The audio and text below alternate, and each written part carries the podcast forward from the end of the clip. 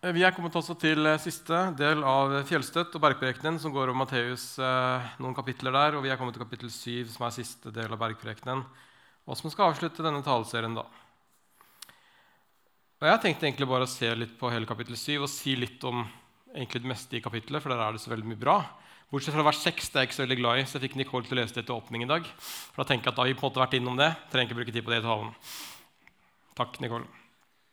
Men i kapittel 7 så har du på en måte, det er på en måte gullkapitlet, gullrekka om du vil, av bergfreden, hvor du på en måte har kjente bibelvers og historier på rekke og rad som bjelken og flisen, be, så skal dere få, den gylne regel, huset bygd på fjell osv. Som ikke jeg akkurat skal gå gjennom vers for vers, så vil jeg i hvert fall ta litt sånn avsnitt for avsnitt. Eh, og hele kapittel 7 begynner egentlig med 'døm ikke, for at dere ikke skal bli dømt'. Og ikke minst det kjente vers 3. Hvorfor ser du flisen i din brors øye, men bjelken i ditt eget øye legger du ikke merke til?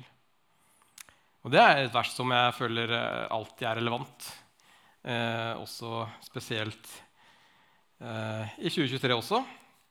Det er jo alltid mye lettere å legge merke til feil hos andre enn å se våre egne feil. Og våre egne feil kan være som bjelker på en måte i vårt øye som vi ikke merker fordi vi kanskje har gjort det så lenge eller er så vant til det, eller ikke klarer å se at det vi gjør, er feil. Og så er det sånn at Ingen av oss er perfekte. Og Noen ganger så kan det være en uh, god ting å gi beskjed til noen andre om at du ser at de kanskje har en, en flis i øyet, men gjør det i hvert fall i ydmykhet og på en vis og forsiktig måte, samtidig som du anerkjenner at du kanskje ikke er helt perfekt, du heller og kanskje har noen fliser, for det har vi alle. Og siden vi er i en sånn sosiale medier-tid, så mitt tips ikke påpek, påpek flisene i andres øyne på Facebook eller Instagram eller på andre sosiale medier. For det er altfor mange som gjør det, fordi det er så lett å gjøre det der. Det er lett å kommentere på noe greier, og det er lett å gi respons på en lettere måte enn før i tiden, hvor man alltid måtte gi responsen kanskje mens man så folk i øynene. Og det trenger man ikke lenger. Og det er ikke alltid man kanskje heller tenker seg om før man skriver. Så jeg sier også det at En god tommelfingerregel for eh, sosiale medier bør jo være ikke skrive noe som man ikke kan si til noen ansikt til ansikt. Og så tenker jeg at Det kan være en god ting også iblant å spørre andre òg. Ser du noen fliser i mitt øye? Er det noen ting jeg ikke ser selv, som du reagerer på, eller som du tenker at jeg bør gjøre noe med? For det er ikke alltid vi som sagt, ser det sjøl. Og vi kan ha blindsoner på en måte, i livet, i vennskap, i relasjoner, i familie. Og hvis vi alle kunne hjelpe hverandre på en ydmyk måte, og på en måte be, å, be om hjelp og veilede hverandre til kanskje å ha litt mindre fliser i øynene, så tror jeg det hadde vært fint. For det, vi må ikke tro at de er perfekte, men vi må kanskje hjelpe hverandre til å bli litt bedre, alle sammen.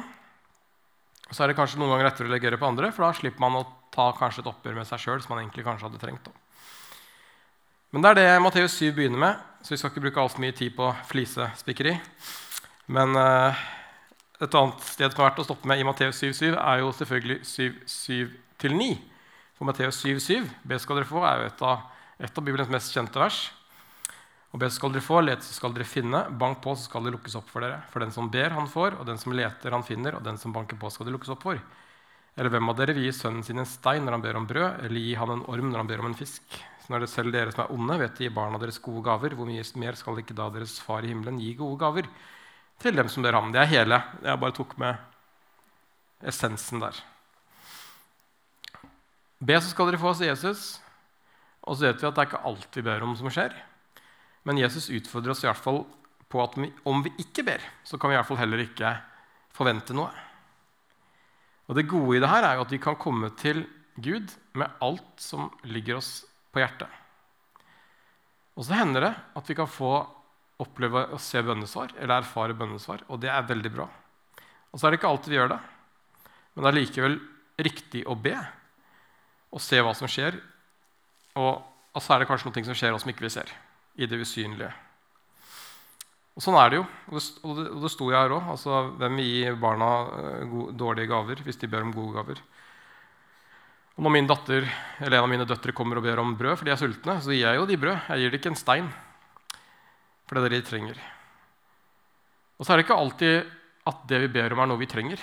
Og det stoler jeg på at Gud vet bedre enn oss, akkurat som foreldre ofte vet bedre enn barna. Så hvis min datter på Elleve år kommer og spør om hun kan låne motorsaga, som jeg ikke har, men kunne hatt. Så er det veldig stor sjanse for at jeg hadde sagt nei. Ikke fordi at jeg ikke vil hennes beste, men nettopp fordi jeg vil hennes beste. Og jeg er redd for at hun kan skade seg på den.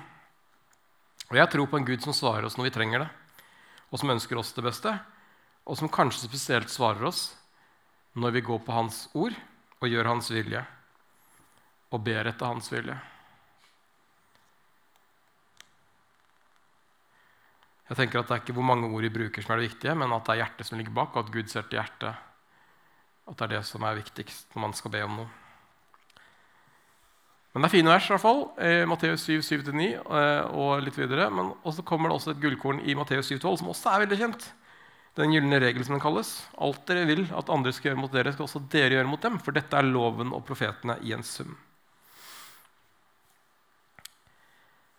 Og i det dobbelte kjærlighetsbudet, at vi skal elske Gud av hele vårt hjerte, og sånn, og elske hver neste som oss selv, så oppsummerer jo på en måte også Jesus loven og sier at det på en måte er eh, loven og, og, profeten i en sum der også.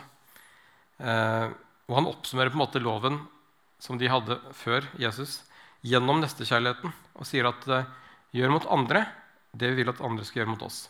Og hvis vi behandler andre bra, så er vi med på å oppfylle loven. Og Det er jo sånn med de ti bud òg. Altså er det de første tre budene som handler om Gud, og så er det jo resten av budene som handler om vårt forhold til vår neste. Og det er på en måte ære Gud, ære vår neste, er egentlig det det handler om. Det dobbelte kjærlighetsbud. Elsker Gud, elsker vår neste. Og Her er det altså en regel som Jesus sier, som kan hjelpe oss til akkurat den med å elske vår neste. Noen mener også her at når Jesus sier det her i Matteus 7,12, så peker han tilbake på Bergprekenen 5.17, som vi var innom eh, for et par uker siden, hvor Jesus sa Tro ikke at jeg er kommet for å oppheve loven eller profetene. Jeg er ikke kommet for å oppheve, men for å oppfylle.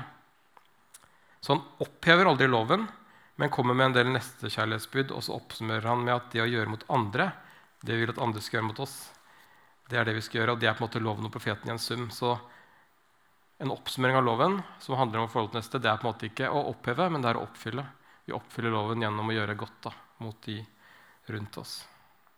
Og så tror jeg noen ganger at vi kanskje kan undervurdere viktigheten av å gjøre godt mot vår neste i en kristen tro.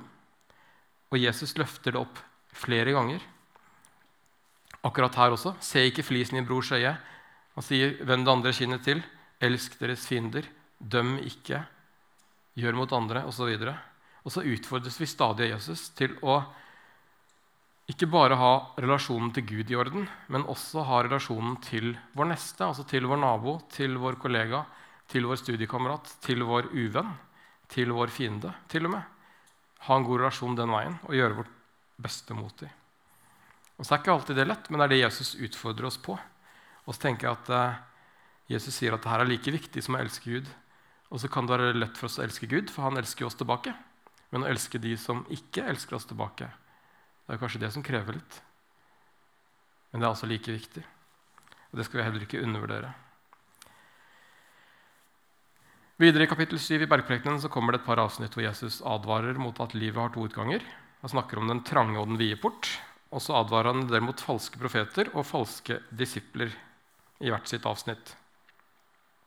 Og Både Jesus og Paulus i mange av brevene bruker faktisk en del tid på å advare nettopp mot falske profeter og falske disipler. Og Det er kanskje også en ting som vi kanskje ikke er opptatt nok av i, i vår tid. Men jeg tenker at eh, hvis det var en del falske profeter og falske disipler på Jesu tid, så er det ingen grunn til å tenke at ikke det er det også i dag. Men vi er kanskje ikke like mye obs på det og Jesus sier at de falske profetene de skal kunne kjenne igjen på fruktene. altså bærer de god frukt. Og hvis de da ikke gjør det, så er det kanskje falske profeter. fordi at et godt tre bærer god frukt, og et dårlig tre bærer dårlig frukt. Og Paulus sier også noe om hva god frukt er. Han skriver jo om, om åndens frukt i Galaterbrevet, hvor han sier at åndens frukt er kjærlighet, glede, fred, overbærenhet, vennlighet, godhet, trofasthet, tålsomhet og selvbeherskelse. Og slike ting rammes ikke av loven, skriver Paulus. De som hører til Kristus til, har Kristus korsfestet sin onde natur med dens lidenskap og lyster. Har vi fått liv ved ånden, så la oss også leve ved ånden. Så hvis vi har åndens frukt i våre liv, kjærlighet, glede, fred, overbærenhet, vennlighet, godhet, trofasthet osv., så, videre, så bærer vi god frukt. Og da er vi i hvert fall ikke en falsk disippel.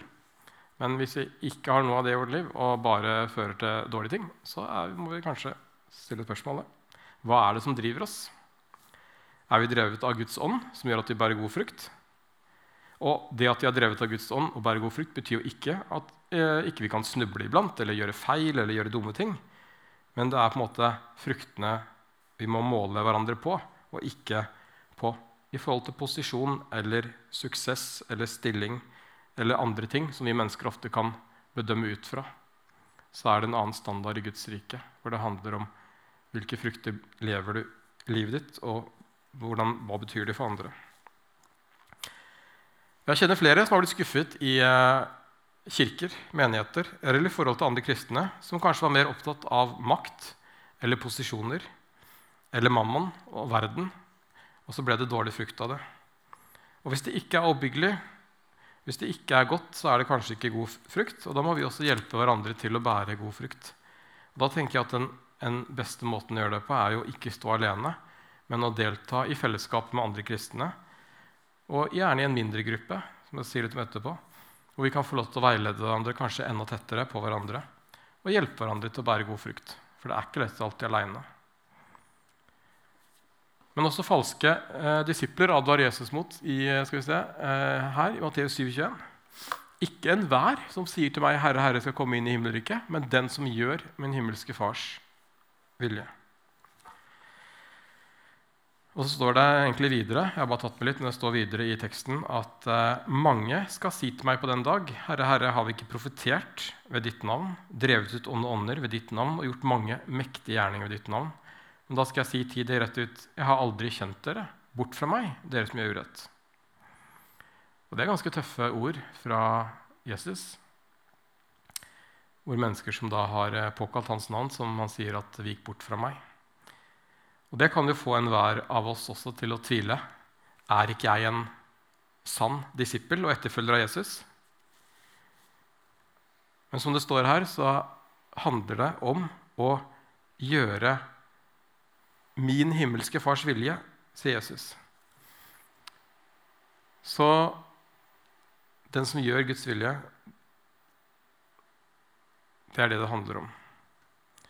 Og er det Gud jeg tjener, er det hans vilje jeg vil gjøre, så tenker jeg at da kan du puste ganske letta og tenke at da er du på, på trygg grunn.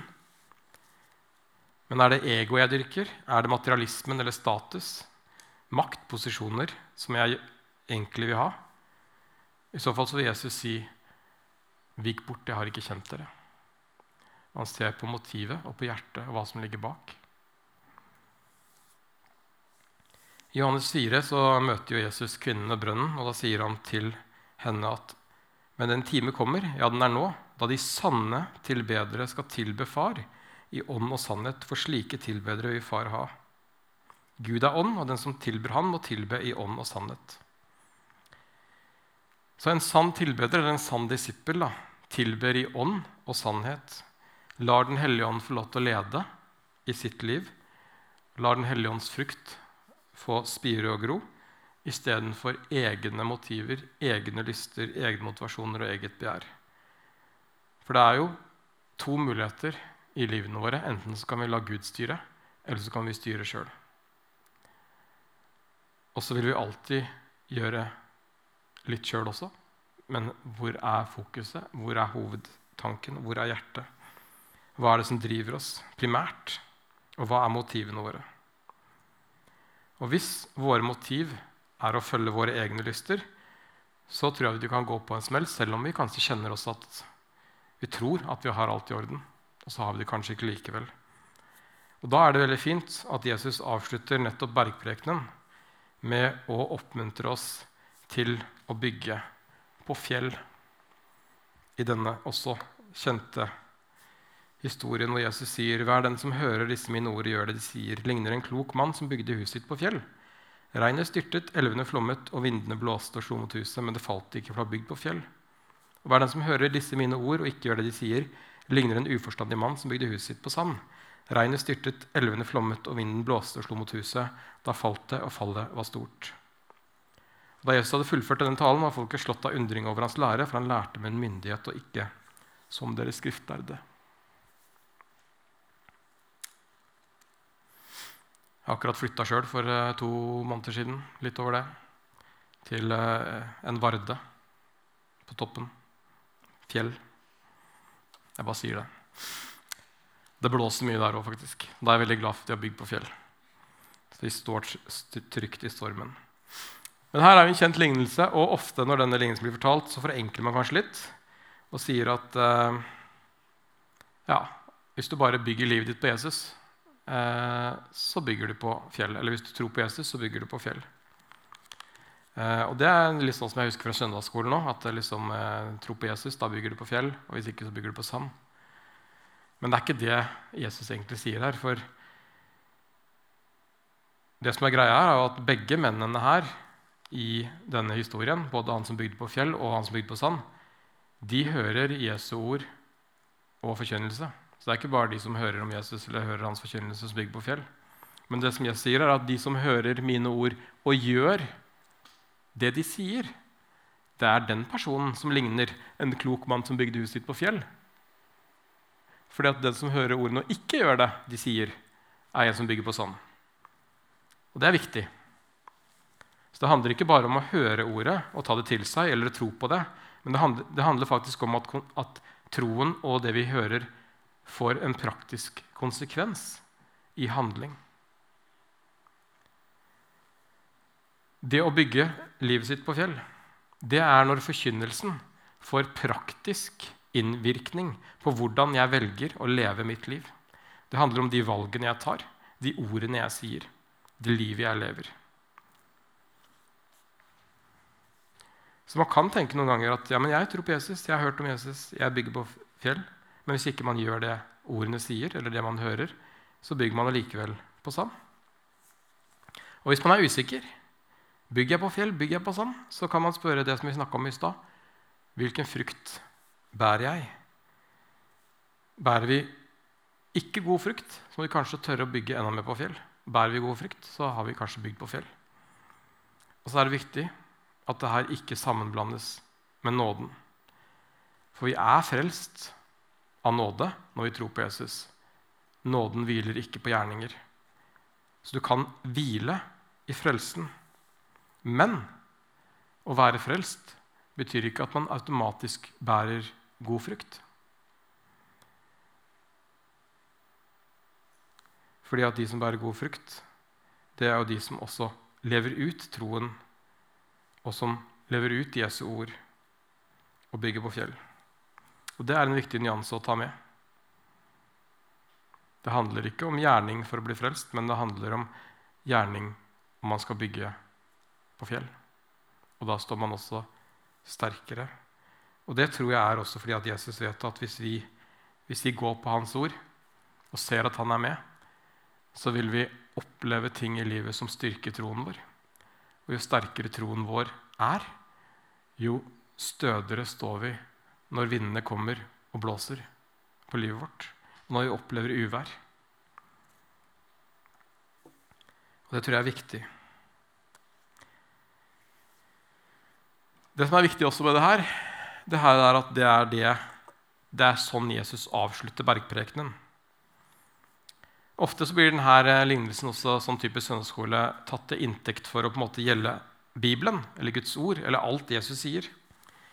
Men det som er mest naturlig når Jesus avslutter en lang tale, som er da bergprekenen, som vi har hørt nå disse mandagene, og så sier han Hva er det som hører disse mine ord? Disse. Og det er jo det Jesus har sagt fra kapittel 5 til kapittel 7 i Bergprekenen. Det er Bergprekenen han snakker om her, som vi skal høre og gjøre for å bygge fjellstøtt i livet. Så det er egentlig bare å leve ut Bergprekenen i praksis. Det er det det handler om, å bygge på fjell. Og Derfor er også Bergprekenen så viktig at de har satt av flere mandager til å snakke om fjellstøtt her. Og Hvis vi ser for oss at Jesus sitter på fjellet, på berget, mens han underviser det her, så er det også en naturlig avslutning. At de som hører disse ordene som jeg har fortalt her på fjellet, og gjør etter dem, de bygger på fjell. Og de gjør det. De bygger jo på det som de har hørt på fjellet. De bygger på fjellet, på klippen. Og Jesus er klippen. De bygger på bergprekenen, en preken gitt på et fjell. Så Jesus sier på en måte her egentlig at nå har dere hørt hva jeg har sagt. Gå ut og gjør det. Lev det ut. Og så avslutter han bergprek på den måten. Så det er en tøff utfordring. Og det utfordrer oss eh, ikke bare til å komme på touchpoint og høre, men også å leve ut troen i hverdagen. Her i Grimstad misjonskirke pleier vi ofte på søndagene på gudstjenesten også iblant å si at vi gir fire anbefalinger til alle som kommer hit, som vi ofte gjentar, som vi tror er gode ting vi kan leve ut for å på en måte bygge på fjell og hjelpe oss til det. Og da sier vi at vi ofte vi anbefaler å gå regelmessig på gudstjeneste eller på touchpoint. Og være med i en smågruppe eller en connect-gruppe, altså mindre gruppe, fellesskap. Ha en tjeneste, gjerne på touchpoint, og ha en fast givertjeneste, gjerne på touchpoint. Hvorfor det? Jo, fordi at vi som menighet tenker at vi ønsker å hjelpe deg til å bygge på fjell og leve ut troen. Og det er alltid lettere i fellesskap med andre. Å gå på møter det hjelper med å møte andre og høre ordet forkynt. Og det er bra. Og det å være med i en mindre gruppe det hjelper å gå dypere inn i ordet og be sammen med andre og praktisere troen sammen med andre som man kommer tettere på. Det er bra. Det å ha en tjeneste det utfordrer meg til å leve ut troen på ulike måter i praksis. Og det å ha en givertjeneste og gi til noe som er større enn meg selv, det hjelper meg å løfte blikket fra meg selv. Og det hjelper meg til å motstå materialisme og verden.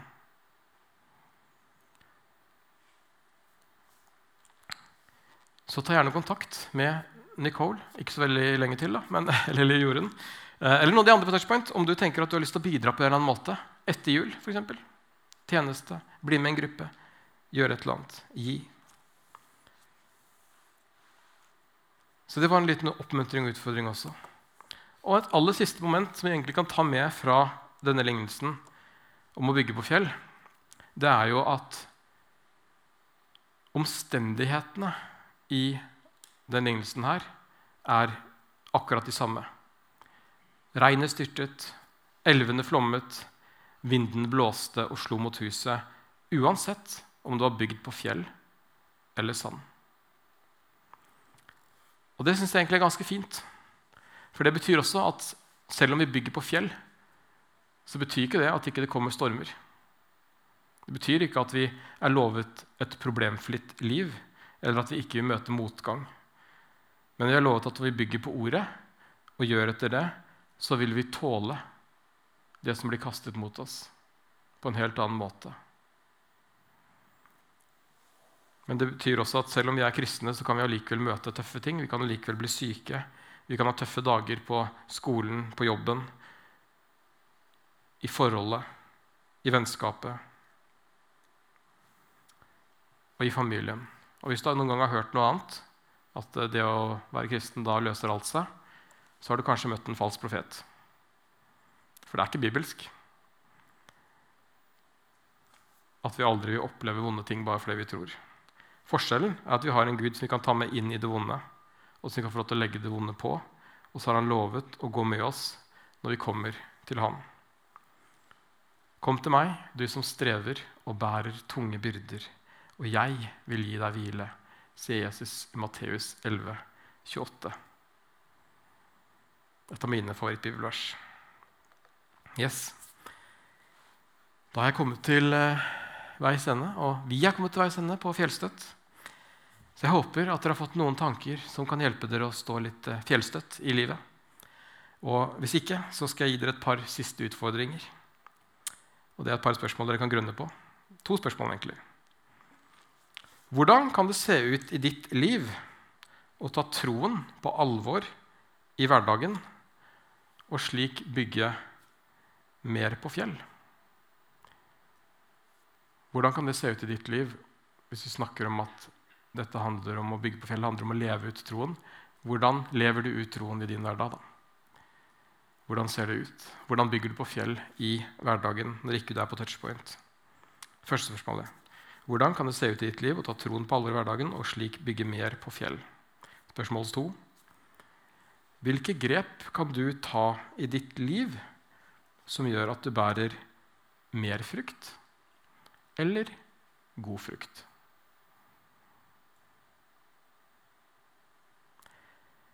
Jeg skal be om at vi må få noen gode svar på det. At Den hellige ånd kan tale til deg i ditt liv, i ditt hjerte, og kanskje peke på hvis det er noen ting du må gjøre noe med, eller skal gjøre noe med, eller bør gjøre noe med.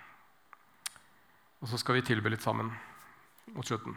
Men kjære far, takker deg for at vi eh, har fått lov til å bli bedre kjent med deg gjennom disse mandagene denne taleserien, far. Takk for at jeg har fått lov til å høre gjennom bergprekenen. Hjelp oss å se dine ord, og ikke bare høre dem, men også leve de ut for. Hjelp oss til å elske deg og elske vår neste også i hverdagen, far, når vi møter eh, utfordringer og ting som ikke er så lett, far. Hjelp oss til å være gode, sanne disipler for deg, far, ja, etterfølgere.